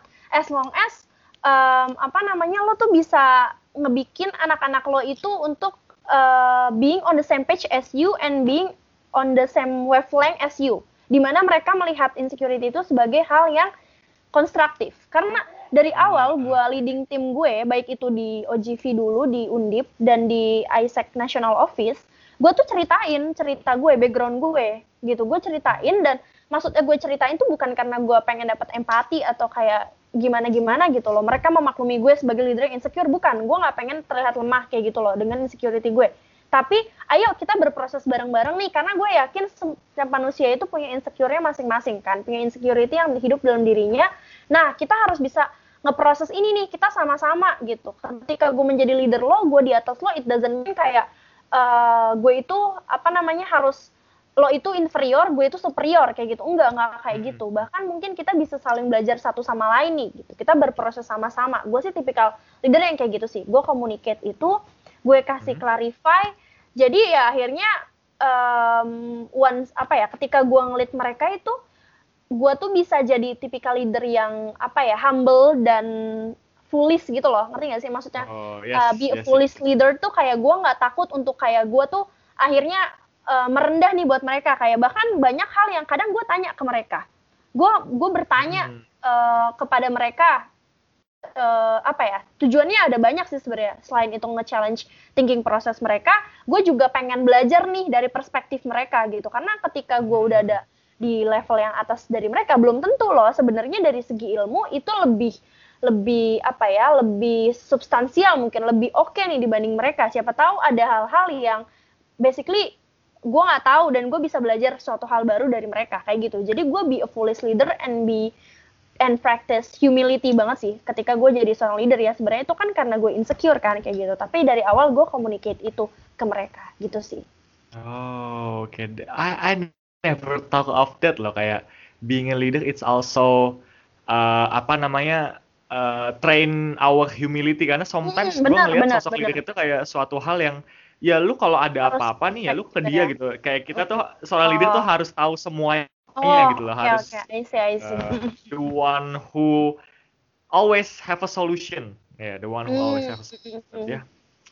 That's that's so, that's my opinion on leader sih karena gue juga Hmm. ngeliat maksudnya kalau leader sama yang insecure itu sometimes this is, this is my sharing ya karena uh, on my perspective tuh kalau misalkan kan anak-anak anak-anak ini kan senderannya sama kita kan nah tapi Iya, ketika ah, ah, senderannya itu nggak ada. Terus mereka Mm-mm. mau bersender sama siapa. That's really my concern kan. Kenapa gue blowing up this topic gitu. Tapi ketika gue denger lu terus kayak oh iya ternyata memang kita sama-sama human. We are some insecure Iya, we benar have benar benar. segala macam. Ya jadi sebenarnya ya saling apa saling Mm-mm. saling bersender juga satu sama lain gitu Hmm, ya. Benar benar That's benar really- benar banget.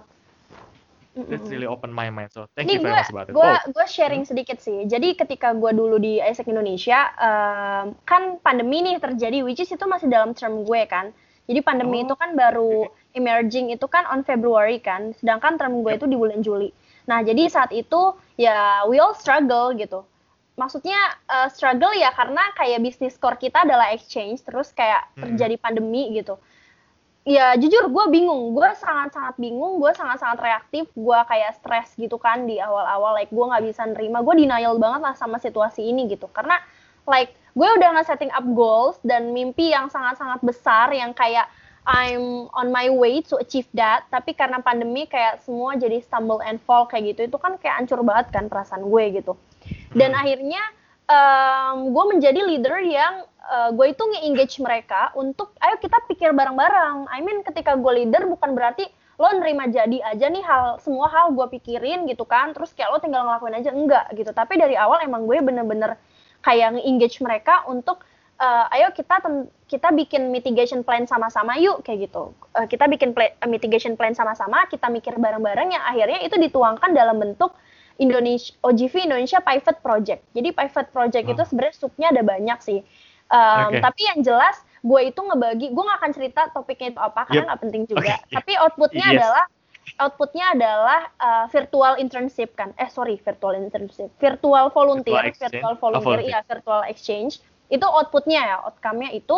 Nah di prosesnya itu gue ngebagi mereka dalam berbagai grup, dal- dalam beberapa grup dan masing-masing grup itu mereka punya PIC. Jadi nanti gue assign uh, beberapa topik gitu sih. Ada yang nanti mereka diskusi tentang university relation.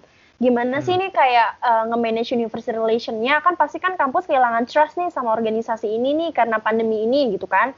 Ada Yep. yang ngebahas tentang international relation-nya juga. Gimana kita bisa membangun hubungan internasional dengan um, apa universitas di luar negeri kayak gitu yang menjadi partner kita. Hmm. Terus mungkin ada yang bahas tentang apa lagi ya, gue lupa. Em, banyak lah intinya. Intinya gue bener-bener ngebikin mereka dalam berbagai grup. Kayak gitu. Dan itu Hmm. kan adalah suatu hal yang mana gue nge-engage mereka.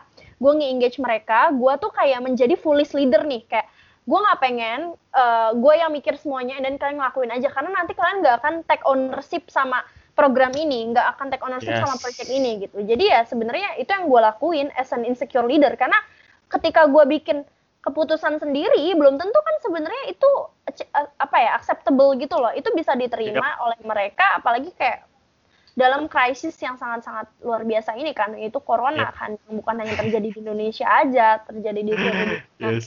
gitu jadi sucks. itu sih gue menjadi leader yang foolish yang menjadi Yeah. leader yang humble yang kayak berusaha untuk nge-engage mereka untuk bisa sharing their perspective asking their feedback asking for their help their support ya dalam bentuk uh, pivot project itu kayak gitu Hmm, ya. That's really ini sih, that's really great apa ya? Great apa tadi sebutannya? Foolish leader. Gue baru denger loh. Ketika Iya. gue dengar kalimat foolish leader tuh gue inget quotes-nya Steve Jobs kan. Steve Jobs pernah Apa bilang kan, stay foolish, stay hungry ya kan. Jadi kayak Ah, sometimes yang iya. memotivasi kita tuh ya foolishness dan Iya, hunger benar, benar, kita. benar. Iya. setuju banget Iya, itu iya. Uh-uh. Foolish leader. That's really great sih. Nah, oke. Eh, Bahasa kita udah cukup lebar dan cukup panjang dan sudah satu Mm. jam. Wow, that's really amazing ya. Tapi masih ada some question. So I will ask you some apa ya, some essential question aja sih. Ya, ini sebenarnya pertanyaan yang udah lebih lebih enteng lah, lebih enteng. Hmm. Ini juga pertanyaan yang gue akan dapat personal gain sih, karena gue butuh beberapa referensi dari pertanyaan ini. Yang pertama, pertanyaannya, apakah lu ada eh, pembelian? Oke, kalau lu ketawa lu udah baca ini ya sih ya. Oke, apakah lu ada barang mahal yang worth it menurut lu yang pernah lu beli? kalau yang pernah gue beli sebenarnya itu orang uang orang tua gue ya jadi gue nggak bisa klaim Oke. itu sesuatu yang gue beli ya sebenarnya Iya. gue pengen bilang MacBook gitu cuman itu kan uang orang tua gue Iya, iya. gitu kan Oke, eh, ini apa? Dis, eh, beside teknologi deh, bisa oke teknologi. bisa teknologi Oke. Iya. I think skincare karena em, Sorry, oke. skincare Beside itu skincare ada nggak bisa skincare? aduh apa Oke, ya yaudah, oke, oke. Oke, udah boleh, boleh. Skincare, skincare. Kenapa? skincare kenapa? aja karena gini enggak ya Hmm. eh, jadi tuh kalau gue melihat skincare itu adalah investasi lo gitu itu adalah karena muka tuh adalah aset jadi lo harus Iya. bener-bener kayak eh, membuat aset lo ini terjaga kayak gitu loh ya itu sih sebenarnya jadi kayak investasi masa depan kan dengan gue bisa glowing tapi ini Glowing serius and kayak grind, gitu yes. Glowing and grind. Ya nggak nggak grind juga sih, glowing aja sih, glowing aja karena bener loh, Itu apa namanya? Kalau gue sih melihatnya gitu ya, jadi gue itu sebenarnya em, melihat bahwa skincare itu salah satu alat, alat bukan alat ya bahan, bahan Ya. untuk membuat gue lebih percaya diri gitu dengan aset yang gue punya. Kalau gue sih Oke. melihatnya kayak gitu, itu Yes. sebenarnya. Oke. Apalagi ya? Nah. Gak ada, karena gue nggak Oke, suka belanja, belanja Oh, yang really? belanja yang suka sih cuman ya belanjanya Oh. yang yang yang yang girly girly gitu loh yang kayak Oke, skincare yang baju dan lain sebagainya kayak yang mahal yang gue beli sendiri tuh nggak ada kayaknya pakai uang orang tua gue deh kayak gitu Oh, itu iya. more into like ke teknologi sih gitu Oke, lebih ke teknologi ya. Karena gue lagi penasaran sih. Maksudnya kan karena kita udah ngerasain, ya mungkin beberapa Hmm. dari kita dengar kan udah ngerasain menghasilin uang sendiri kan. Nah, tapi kadang-kadang kok semakin ke sini, kalau dulu kan mentalitinya anak kuliah kan kayak, eh, aduh gue harus hemat banget nih gitu loh. Nah, cuma kan sekarang karena udah, alhamdulillahnya eh, udah berpenghasil terus kita bisa beli barang mahal. Cuma sometimes itu gue masih struggle kayak gue mau beli barang mahal. Contoh nih, gue misalkan kepikiran mau beli MacBook M1 ya kan siapa sih yang nggak mau tuh Ah, M1 keren banget kan itu kalau Iya, nggak PS5 ya kan kalau nggak Ah. PS5 kalau nggak apa eh, sepatu roda atau apa kayak gitu nah cuma ya itu gue mikir kayak apa ya makanya gue mau konsul sekarang sama bintang tamu bintang tamu gue apa sih barang mahal yang tapi sebenarnya pertanyaannya kayak bakal gue take out deh karena kalau misalnya bintang tamu gue cewek pasti kebanyakan probabilitasnya dia Iya. jawab skincare tinggi deh kayaknya deh kayak kayak sih gitu anyway nggak apa-apa, nggak masalah. Oke, oh iya. Gue penasaran sih, ini random ya, karena gue dari dulu, Ah. ini random banget sih. Gue dari dulu tuh pengen banget kayak skincarean gitu loh. Cuma, gue tuh nggak tahu ritualnya kayak gimana. Ini gue pertanyaannya gini ya, cukup simpel aja sih. Apakah ritual skincare cewek dan cowok itu berbeda? harusnya sih sama aja ya kalau misalkan mengikuti stepnya dengan baik dan benar gitu karena jujur gue pun belum belum sesuai dengan panduannya nih belum sesuai dengan guidance-nya yang lengkap selengkap itu enggak kayak enggak selengkap itu Oke, gitu oke. Ya, Apakah itu sih, emang jadi- paduannya ada? Paduannya di mana? ada ada. Kadang-kadang tuh kayak ada gitu loh. Kayak contoh nih ya pertama lo itu kenapa jadi gue nggak apa-apa ya gue share. Yo, nggak apa-apa, ini gue nanya. muka, lo harus cuci Hah? muka, terus kayak applying toner, abis toner itu urutannya itu adalah essence, abis essence itu serum, abis serum itu moisturizer, abis moisturizer itu sunscreen, abis sunscreen itu eh, mungkin ya bedak gitu kan, skin ya apa namanya foundation atau mungkin cushion dan lain sebagainya, terus bedak gitu. Nah kalau cowok itu sebenarnya juga urutannya harus sama nih. Kalau yang pengen proper ya dan selengkap itu gitu ya, ya sama urutannya kayak tadi. Cuman kalau yang gue lihat dan amati dari teman-teman gue yang cowok biasanya tuh mereka cuman pakai uh, cuci muka, cuci muka terus Mhm. mereka itu pakai toner. Ada ada yang pakai toner, ada yang enggak, ada yang nge-skip gitu. Terus mereka itu pakai moisturizer ya. Kan cowok tuh Ah. kadang kan mukanya kering gitu kan. Moisturizer, terus habis itu uh, sunscreen. Nah, itu tuh yang kayak nggak boleh di-skip nih sunscreen ini. Semua cowok tuh pasti pakai kayak gitu. Yang Sun- teman-teman gue nih, gue nggak tahu Oke. lo pakai atau enggak. Tapi itu wajib kalau lu pakai lo harus Oke. pakai. Oke, sunscreen. Iya. Suns- itu itu berarti ritual Sunscreen. pagi. Oh, iya, Sunscreen. sorry. Itu ritual pagi. Itu pagi. Eh, pagi. Ya, iya Kalau itu pagi. Mungkin kalau malam bedanya Ya, ya bedanya apa ya? Nggak pakai sunscreen, tapi sunscreen kan Oh, jadi oke. sunscreen. Tapi lo pakai ini, pakai night cream gitu, night cream. Eh, atau sebelum lo pakai toner tuh lo harus maskeran dulu, kayak sheet mask atau anything lah. Sheet mask sih biasanya kalau sebelum tidur gitu. Oke, I will definitely listen to it again karena gue nggak apa tapi ya oke. Nanti gue bakal dengerin lagi. Thank you very much. Karena gue sekarang gitu sih, gue gue ngerasa kayak eh sekarang gue ngeliat skincare is a form of self discipline juga gitu loh. Dan ya ngerawat Hmm, diri pun self discipline gitu kayak. Sometimes kita ngeliat orang skincare orang segala macam, pagi cowok yang ngeliat kayak ah lu itu aktivitasnya nggak manly banget tapi menurut gue sih itu manly karena ya we're taking care of ourselves gitu lah but Iya, yeah, benar still benar. Enggak kok. Itu itu pemikiran orang yang open minded aja sih. Kayak Oh skincare tuh nggak hanya untuk benar-benar nggak hanya untuk cowok. Itu tuh itu tuh eh sorry nggak untuk nggak hanya untuk cewek tapi juga untuk cowok. Karena skincare skincare itu adalah cara lo mencintai diri lo dengan lo ngerawat diri lo gitu. Jadi benar banget yang tadi Yes. lo bilang. Yes, yes, Gitu. yes, yes. Then I do believe the highest form of self love is self discipline. That's I really do believe it. Oke. Iya, benar, Anyway, benar, benar. Itu next, ngelatih next. lo banget loh.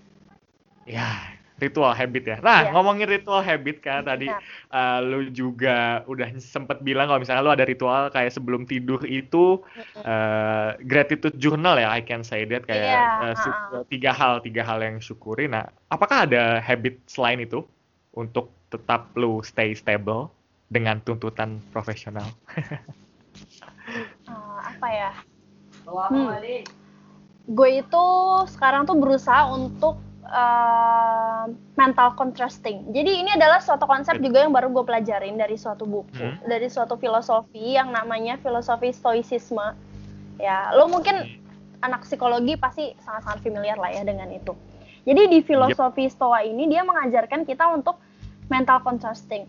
Mental contrast, contrasting itu em, apa namanya dia tuh more into like kayak lo itu nggak hanya positive thinking gitu tapi lo Hmm. juga mem- memikirkan hal-hal negatif yang mungkin akan terjadi dan lo mengantisipasi itu gitu karena Hmm.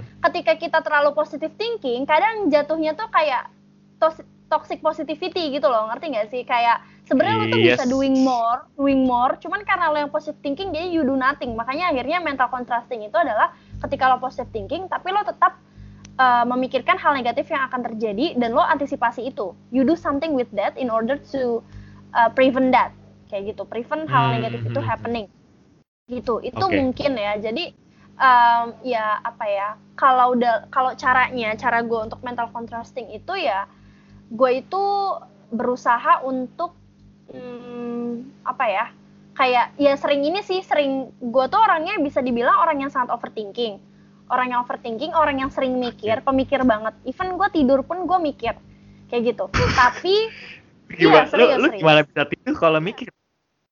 iya, gue tidur, gue tidur mikir karena gue selalu mimpi. Karena gue selalu mimpi Oke. yang mimpinya itu susah-susah, aneh-aneh gitu. Jadi gue suka That's mikir. really gue ya, gue mikirnya kayak ah ya ini gue karena kebaikan mikir nih kayak gitu. Jadi mimpi gue tuh kayak mimpi yang aneh yang kayak di mimpi pun gue mikir gitu loh. ya gitu lah jadi kayak gue mimpi ujian kayak gitu-gitu aneh banget kan gue mimpi ujian nasional terus kayak gue harus mikir ya kayak gitu gitulah jadi itu aneh banget Oke.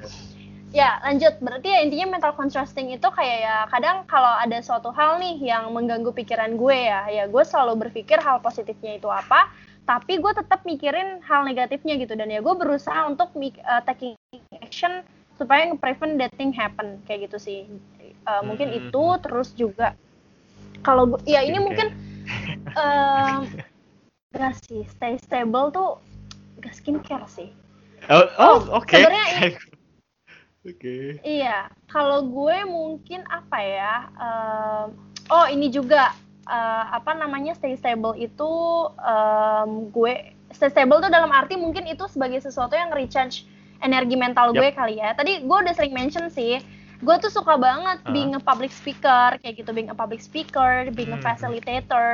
Gue senang banget sharing karena mungkin sharing tuh passion gue ya kayak gue di invite ke podcast ini aja senang banget Ya, gitu ya, kan. udah, udah, ya, udah, udah, Iya, ngomong berapa kali. Iya, jadi em, ya itu mungkin habit gue ya. Ya gue mem- Iya. membuat itu menjadi suatu productive habit, kebiasaan. Em, Sebenarnya bukan productive habit sih, lebih ke arah apa ya? Mungkin produktivitas per bulan. Gue tuh kayak punya target bahwa sebulan gue harus jadi speaker nih kayak gitu. Tapi alhamdulillah keinginan gue ini selalu terdukung gitu oleh gue di invite. Padahal kan harusnya Wow. mungkin bisa aja nih harusnya kan gue gue nggak karena nggak ada invitation tapi tuh selalu ada invitation gitu jadi Masya Allah. ya serius jadi jadi tuh Iya, kayak iya, jadi jadi jadi habit kayak gitu terus mungkin apalagi ah sama ini gue lupa Ah, oke. jadi gue itu Apa? em, apa namanya tertarik banget sama em, apa ya bisa dibilang ya sama self improvement self development things kayak gitu gitu yang gue tuh belajar dari gue sering banget nonton TED Talk itu salah satu Oke. habit gue dan bahkan gue nggak bisa tidur kalau gue nggak nonton TED Talk sehari Oh. jadi iya dalam Wow. eh, sorry sebelum Okay, tidur ya. jadi minimal Oke. tuh kayak harus sehari gue harus nonton like eh, udah kebiasaan banget gitu loh jadi kayak yang meninabobokan gue itu adalah TED Talk dan kalau lo tanya That's ke it. gue versi eh, lo udah nonton Talk ini Talk ini gue udah kayak nonton semua gitu anjir sama Oh, banget ya? udah deh bercanda yang yang I terkenal terkenal lah. Oke. coba tanya coba nanti tanya aja lo Hmm. lo pernah nonton Talk ini nggak gitu Oke. tapi yang ya. Oke. yang self improvement ya yang self improvement Ah, oke, I see, Ya. I see.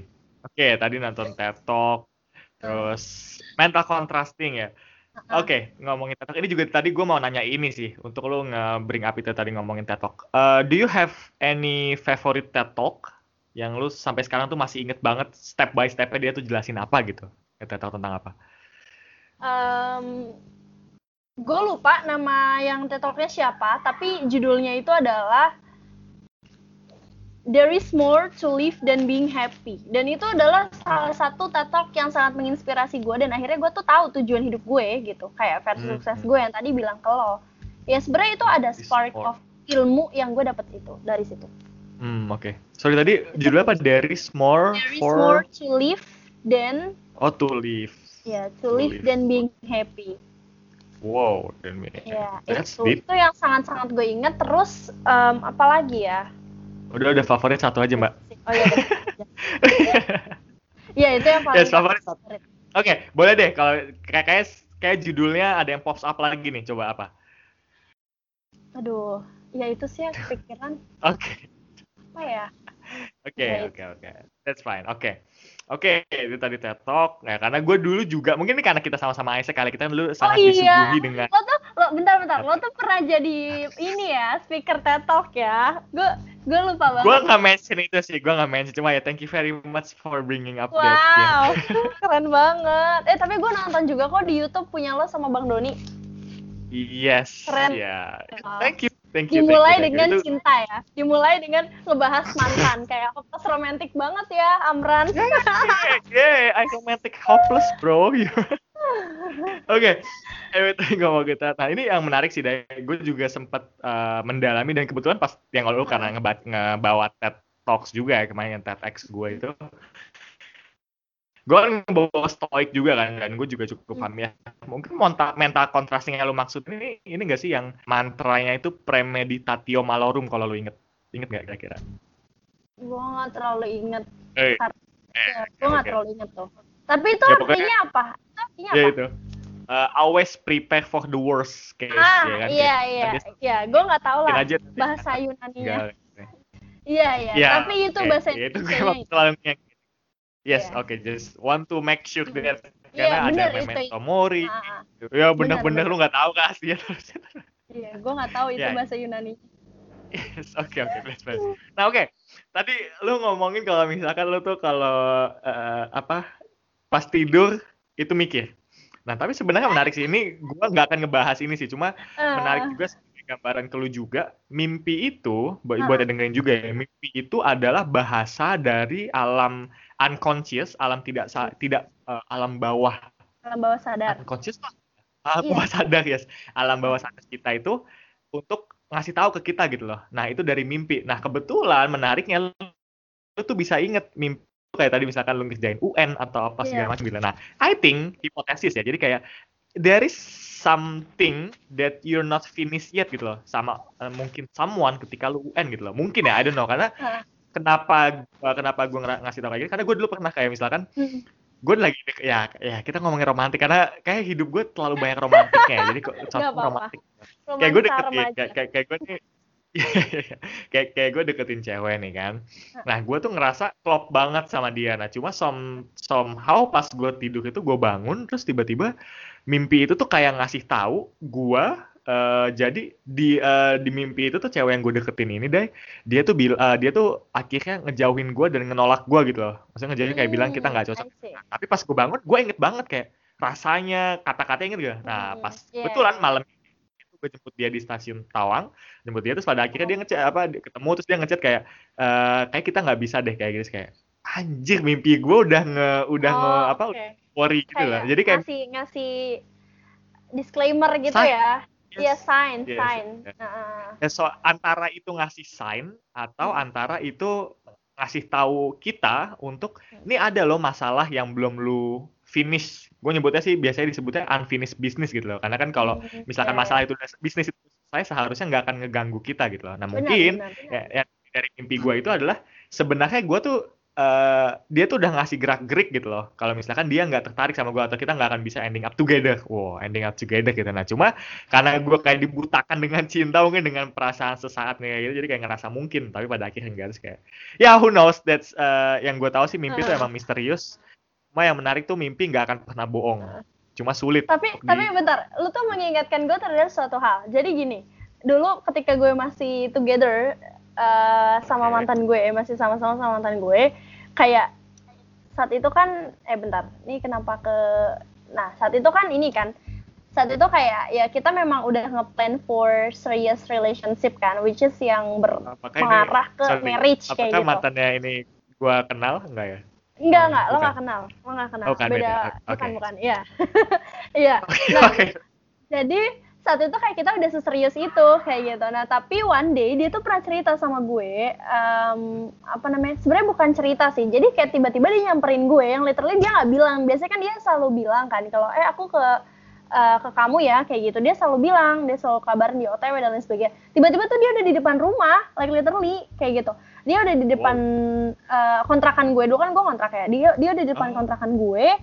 em, dan dia tuh bilang kayak aku khawatir banget gitu. Aku khawatir banget sama kamu karena aku mimpi kamu tuh nggak mau nik kamu tuh nggak nikah sama aku, kamu nikah sama orang lain kayak gitu. Terus kayak gue bilang kan kayak em, apa namanya apaan sih ya udah sih itu mimpi doang kayak aku eh gue kasarannya Eh. bilang ah bu- bunga tidur itu mah itu mah setan setan itu kayak gitu gitu kan gue bilangnya tapi akhirnya ternyata beneran kan gue nggak nggak nikah sama dia gitu gue putus dan emang sebenarnya ya itu adalah sign buat dia bahwa ya emang gue nggak mau nikah sama dia gitu Iya. Well, karena ada ya. satu dan lain hal Memang mimpi tuh misterius ya, ya mimpi memang misterius ya. Ya, That's really unique. Oke, tadi ngomongin ke mimpi jam tidur. Nah, gue penasaran sih karena kan gue sangat Hmm. apa ya, sangat ngeliat lu tuh, ya maksudnya dengan achievement lu sekarang dan dulu itu achievementnya sangat, eh, gue bisa mendefinisikan lu itu sebagai sosok yang sukses in my definition of success. Gue penasaran sih ini Amin, se- ya Allah. Ya, Oke, itu ini pertanyaan yang selalu gue tanyain ke bintang tamu bintang tamu gue. Lu tuh kalau di masa-masa kayak gini lagi struggling, lagi kayak gini segala macem ya, maksudnya ya in daily life aja sih. Jam tidur lu Iya. tuh berapa rata-rata? berapa jam ya? Gue itu Hmm. biasanya em, ini karena gue di sini ya. Kalau di sini kan gue punya temen tuh, punya adik gue gitu. Maksudnya kayak Ah, ya oke. kita doing doing some activity together like nonton atau apa. Jadi mungkin agak malam. Cuman kalau gue lagi di perantauan, gue di Kalimantan, Hmm. itu biasanya gue tuh jam 8 udah tidur. Jam 8 Oh, tidur, gue jam 4 jam bangun. 8 jam Wita 4 ya? tuh Ya, jam 8 Wita. Jam 8 Wita, jam 9 lah. Jam 8, jam 9 gue udah tidur. Biasanya gue bangun tuh jam jam jam 4 sih. Jam 4 kayak gue sholat em, apa namanya dan gue langsung kerja buat prepare. Jadi memang em, Wow. gue tuh harus prepare banget karena gue sales kan. Target gue tuh sehari. Iya, iya. Target gue tuh per hari gitu loh by day.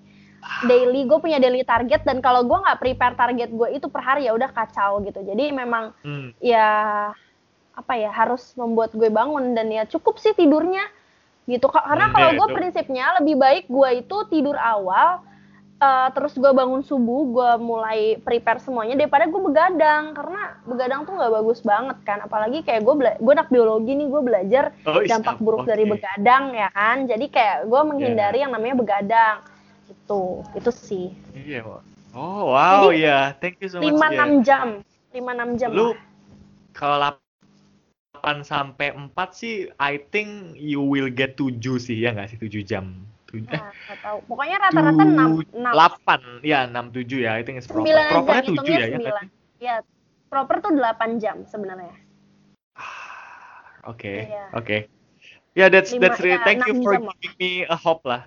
Karena gue ngerasa kayak orang sekarang terlalu hustle, hustle porn segala macam sampai tidurnya dikurangin cuma Iya, kayak there is not a proper way gitu lah. There's not there is a proper way then itu ya. I think Iya. I know I I still, I still in my adventure to to Iya, apa? Tapi Tuh. ini disesuaikan lagi sih sama diri lo tuh kayak gimana. kalau gue tuh aware, gue tuh orangnya akan lebih produktif kalau gue itu nggak begadang ya. I mean ketika begadang tuh kan membuat lo nggak punya quality of sleep yang bagus nih. Kayak pagi-pagi nanti lo jadi sulit konsentrasi, sulit fokus. Kalau gue sih pribadi gitu. Tapi kalau emang ternyata lo itu owl person yang lo harus lo dapet Ya, night inspirasi saat lo begadang, ya night owl gitu kan, ya it's fine sebenarnya. Cuman efek buruknya mungkin lebih ke kesehatan lo.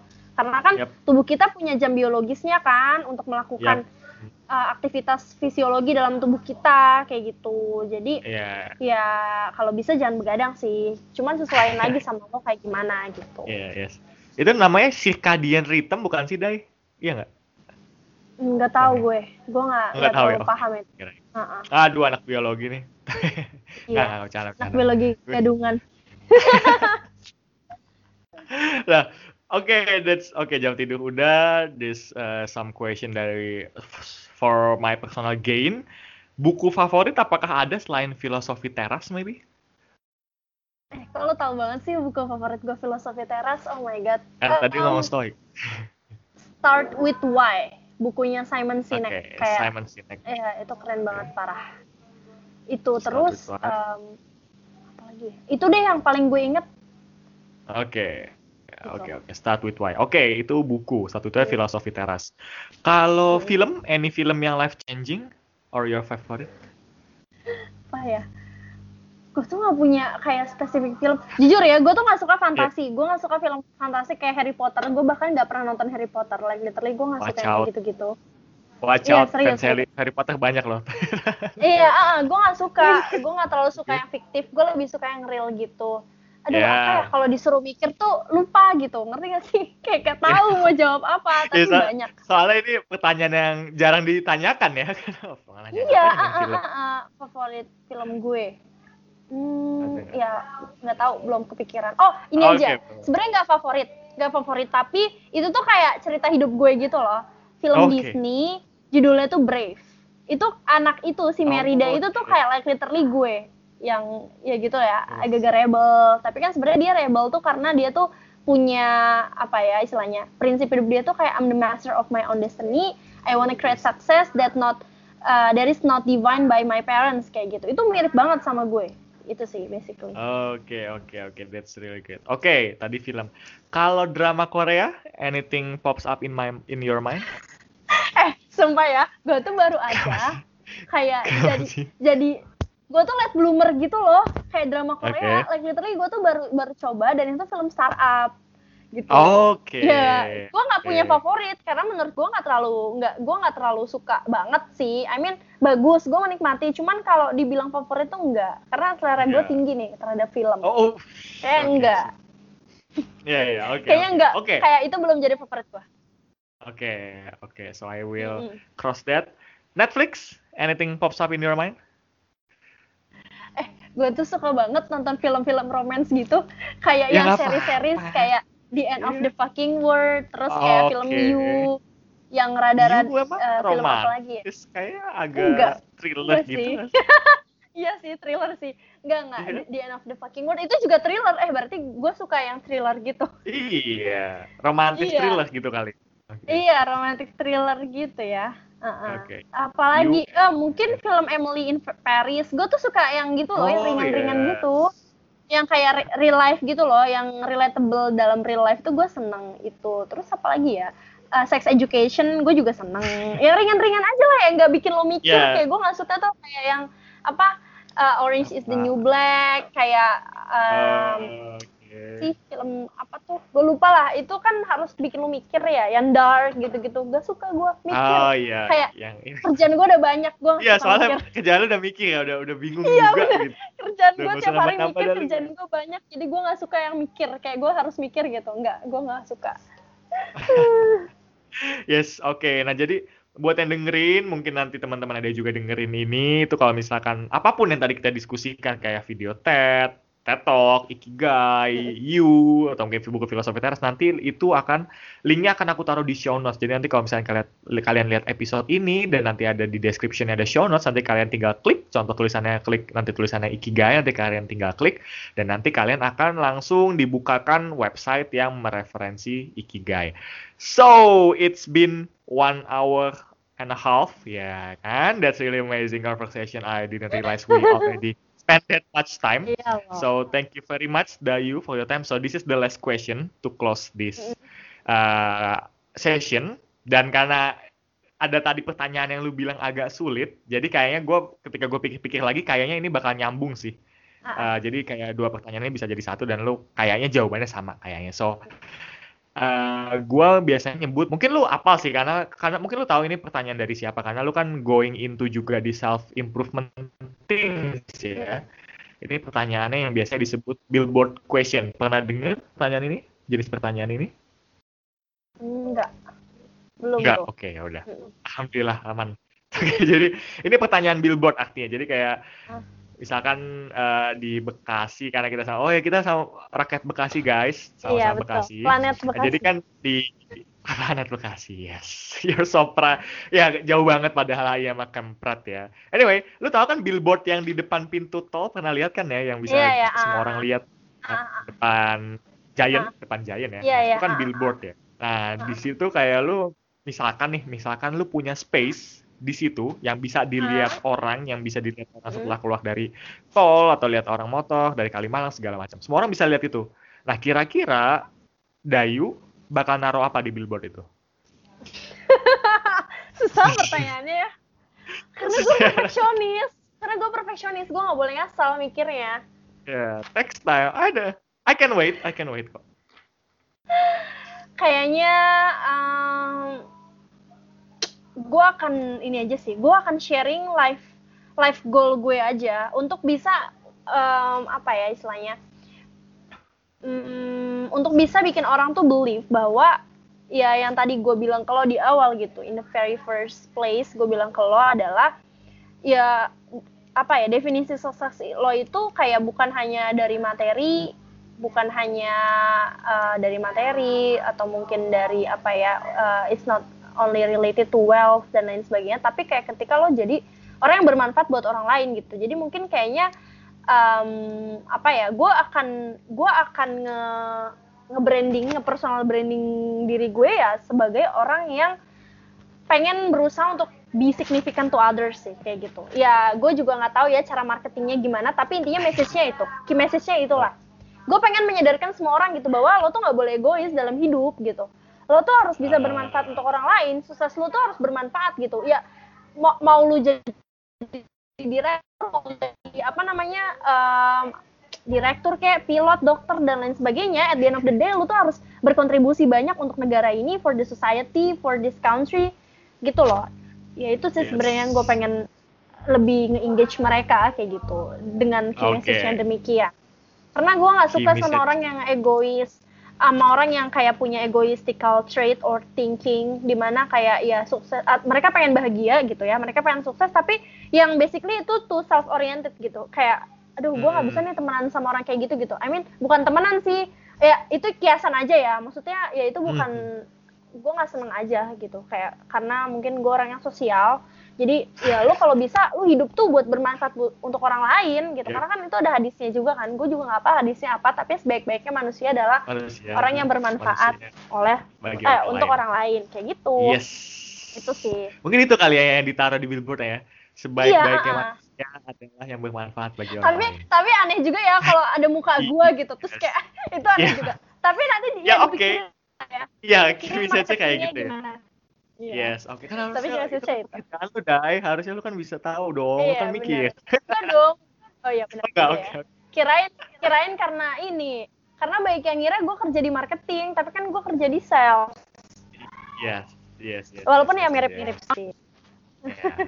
Okay, anyway, thank you very much. That's really great uh, closing statement. That's really great insight, and that's this is really a great conversation. I think I don't know, maybe we can have a part two or maybe part three, but who knows? Ya karena lu yang sibuk kan ya, jadi kayak I think aku yang harus menyesuaikan jadwalku. jadwal. Yeah, but really. that's really cool. tenang Dan- aja. Yes, oke. Dan mungkin ini kayak gue nggak bisa ngenahan ini lagi sih. Cuma gue pengen ngasih tahu karena tadi Dayu bilang. Jadi kalian buat yang denger tadi, kalian bakal paham kalau misalkan ya love language-nya itu Dayu, love language Dayu itu adalah words dari kata-kata. So you can express yourself nanti nge-DM Dayu apa gimana. Dan dia barang yang mahal itu adalah skincare. So that's yang. So, gue lagi deketin Dayu, tinggal pakai words, love language words dan kasih skincare. Oke, that's spoiler for you all. You're welcome. Okay, once again, thank you so much Thank you, for your time. Thank you Amran. Yes, I hope to uh, apa yang kita bicarakan di sini semoga bermanfaat juga bagi orang lain dan thank you so Dan much. semoga pasti bermanfaat. Harus confident dong. Amin. Oke, yes, I really love that self confident. Oke, jadi buat yang denger juga, I hope you enjoy the show. I hope you love the love episode, and I'll see you in the next episode. Ciao, bye bye. Yep.